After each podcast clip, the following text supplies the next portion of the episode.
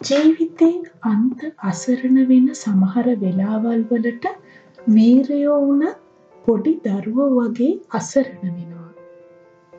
දුෂ්ටයෝ අසරණයෝ වගේ අඬා වැටෙනවා. කොයිතරම් ගල් හිතක් වුණත් හදවත ස්පර්ශ කරපු ආදරය වෙනුවෙන් වෙඬරු පිඩක් වගේ දියාරු වෙනවා. අද මේ කියන්න යන්නේ අඬන්නත් හිනා වෙන්නත් ආදරය කරන්නත් එකසේ වැයෙන දුර්ලභ බටහිර ගීතයක් ගැන.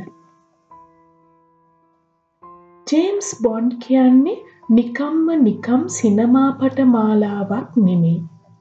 යුගයක් එකලු කරපු යුගයක තරුණ මහලු බාල සිත් සතන් වීරත්වයෙන් පිස්සු වට්ටපු චරිතයක්. ඉයන් ෆ්ලෙමිං කියන ශ්‍රේෂ්ඨ කතුවරයාගේ හදවතේ මැවුන අති ප්‍රබල සිනමා චරිතයක්. ජේම්ස් බොන්ඩ් චිත්‍රපට නරඹන අයට ඒක වෙනමම ආගමක් වගේ. අද හෘද සංවාදය පිරිනමන්නේ ඒ වගේ ජේම්ස් බොන්ඩ් පිස්සෙක්ට. ජේම්ස් බොන්ඩ් පොත්, කාර්, පින්තූර, චිත්‍රපට යනාදී එකී මෙකී නොකී හැම දෙයක්ම එකතු කරන මගේ ආදරවන්තයට. ජේම්ස් බොන්ඩ් රහස් පරීක්ෂක කතා චිත්‍රපට පෙළේ හයවැනි ජේම්ස් බොන්ඩ් චිත්‍රපටය වන්නේ On Her Majesty's Secret Service නම් වුණ එක්දහස් නමසය හැට නමයේ තිරගත වුණු චිත්‍රපටය. එතෙක් කල් ජේම්ස් බොන්ඩ් චරිතයට පනපෝපු ෂෝන් කොනරි කියන විශිෂ්ට රංගදරයා ජේම්ස් බොන්ඩ් චරිතයෙන් විශ්‍රාමගත් පසු මේ On Her Majesty's Secret Service කියන හයවැනි සිනමාපටයට තෝරගන්නේ ඉතාමත් ආදුනික නිරූපණ ශිල්පියෙක්. ඔහු නමින් ජෝන් ලැසේනි. මේ සිනමාපටය ජේම්ස් බොන්ඩ් කතාමාලාවේ සුවිශේෂී නිර්මාණයක්. අති දක්ෂ රහස් පරීක්ෂකයෙකු වන ජේම්ස් බොන්ඩ් කුඩා දරුවෙක් මෙන් හඬා වැටෙන අනුවේදනීය දර්ශනයක් සහිත සිනමාපට කිහිපයෙන් එකක්. මේ සිනමාපටයේදී ජේම්ස් බොන්ඩ් ට්‍රේසි හෙවත් තෙරේසා කියන රූමත් තරුණිය එක්ක ආදරයෙන් බැඳෙනවා. හැබැයි ඒ ට්‍රේසිගේ පියාගේ කොන්තරාත්තුවකට විතරයි.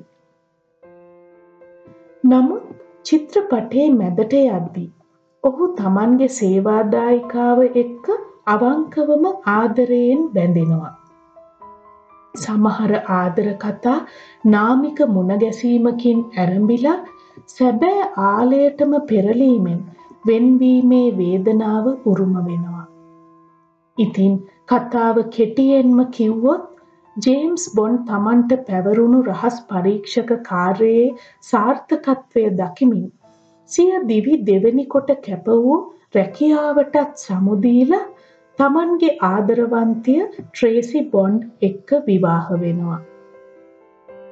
පෘතුගාලයේ පාරක් අයිනි නවත්වලා තමන්ගේ මංගල රථයේ මල්දම් ඉවත් කරද්දී ඔහුගේ ප්‍රතිවාදියා තැබූ වෙඩිපහරින් මනාලියක් වුණු උණුසුමින්ම ඒ මංගල ඇඳුම පිටින්ම ට්‍රේසි බොන්ඩ් මිය යනවා.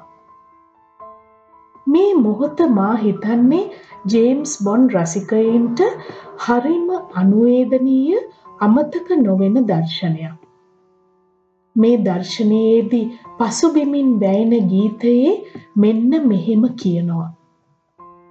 We have all the time in the world. මේ ගීය ගයන්නේ ලූ ආම්ස්ට්‍රෝන්. දැන් ඔබ ඒ කවුද කියා දන්නවා. What a wonderful world කියන අති සුන්දර ගීතය ගායනා කරන්නේ ඔහු. ඔහු ගායනා කරන මේ We have all the time in the world කියන අති සුන්දර ගීතය ජේම්ස් බොන්ඩ් කියන වීරයාගේ ජීවිතයේ අනුවේදනීය වෙන්වීමක් සටහන් කරනවා.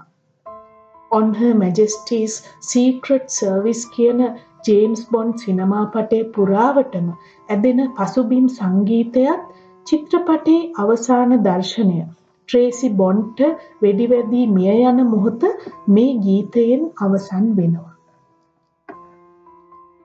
එක්දහස් නමසය හැට නමේ මුදාහැරුණු මේ සුන්දර ගීතය රසික සිත් පැහැරගන්න සමත් වෙන්නේ නෑ. නමුත් එක්දහස් නමසය අනූ හතරේ ඒ කියන්නේ හරියටම අවුරුදු විසි පහකට පස්සේ. බියර් ප්‍රචාරක දැන්වීමක යොදාගත්තු මේ ගීතය නිසා රසිකයින් අතර මේ ගීතය මහත්සේ ජනප්‍රියත්වයට පත්වෙනවා.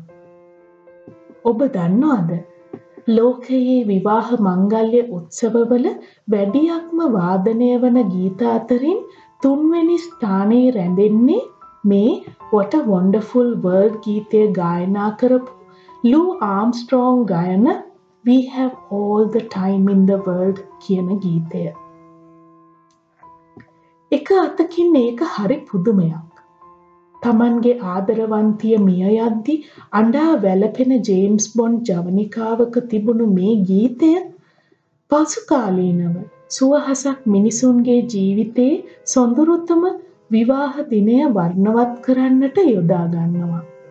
ඒකත් හරියට දෛවයේ සරදමක් වගේ.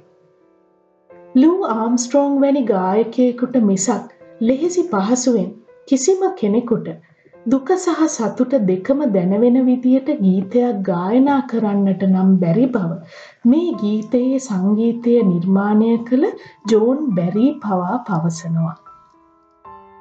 ගායකයකු පමණක් නෙවෙයි ට්‍රම්පට් වාදකයකු වුණ ආම්ස්ට්‍රෝන් මේ ගීතය පටිගත කිරීමට පැමිණෙන්නේ ඉතාමත් රෝගාතුරව.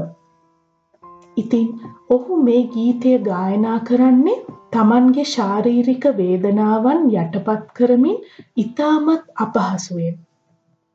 ඒ විතරක් නෙවෙයි ඔහුට එදා ට්‍රම්පට් එක වයන්නට තරම් ශරීර ශක්තියක් නොමැති නිසා මේ ගීතයට ට්‍රම්පට් වාදනය කළේ සංගීතය නිර්මාණය කළ ජෝන් බැරීම බවත් සඳහන් වෙනවා.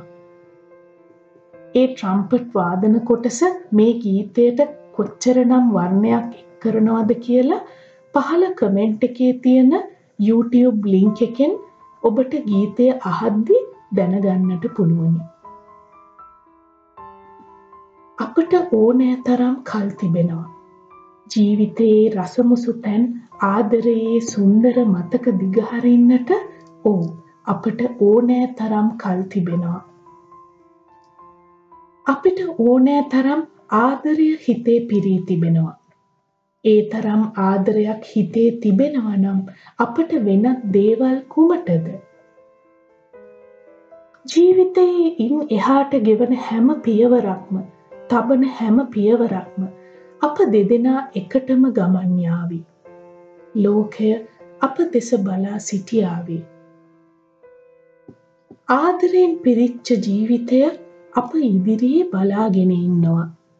ලෝකය දකින්නට ජීවිතය විඳගන්නට අපට දැන් ඕනෑ තරම් කල් තිබෙනවා. සිය රැකියාවත් කැපකොට ට්‍රේසි වෙනුවෙන් ජීවිතය විඳින්නට මංගල ගමෙන පිටත් වෙන ජේම්ස් බොන් තමන්ගේ ආදරවන්තිය තමන්ගේ අලුත් මනාලියගේ මලසිරුර දෑතෙහි රඳවාගෙන අවසානයට මේ වදන් මුමුණනවා. We have all the time in the world. ජීවත්වීම සඳහා හෝ මරණින් මතු එක්වීම සඳහා අපට ඕනෑ තරම් කල් තිබෙනවා යයි ඔහු පවසන්නේ කොමක්දැයි තීරණය කිරීම අපටම බාර වෙනවා. නමුත් ජීවිතයේ තරගෙන් දුවල දුවල හති වැටුණු මිනිස්සුන්ට මා අවසාන වශයෙන් එක දෙයක් කියන්නම්. ජීවත්වීම සඳහා අපට ඕනෑ තරම් කල් තිබෙනවා. දුවන්නට තරම් මේ ජීවිතය කෙටි නෑ. ඇතැම් කෙනෙකු මා සමග විරුද්ධ වේවි. නෑ ජීවිතය කෙටි. අපට ලබා ගන්නට දේ බොහොමයි. ඔබ එසේ සිතනවා නම් එය ඔබේ වරදක් නෙවේ. ජීවත් වෙන්නට ඕනෑ තරම් කල් සොයාගන්න තරගයෙන් මිදුන මිනිසුන් හරිම අල්පයි. ඔවුන්ට ඔබ දන්නවාද ජීවත් වෙන්නට ඕනෑ තරම් කල් තිබෙනවා. ජීවිතේ මොහොතින් මොහොත විඳගන්නට තරම් ජීවිතය ඔවුන්ට දිගයි. මොකද ඒ ජීවිතේ ගෙවින්නේ හුඟක් හෙමින් නිසා. හෘද සංවාදයකින් ආයෙමත් දවසක හමුවෙන මම දිල්ෂාරා වීරසිංහ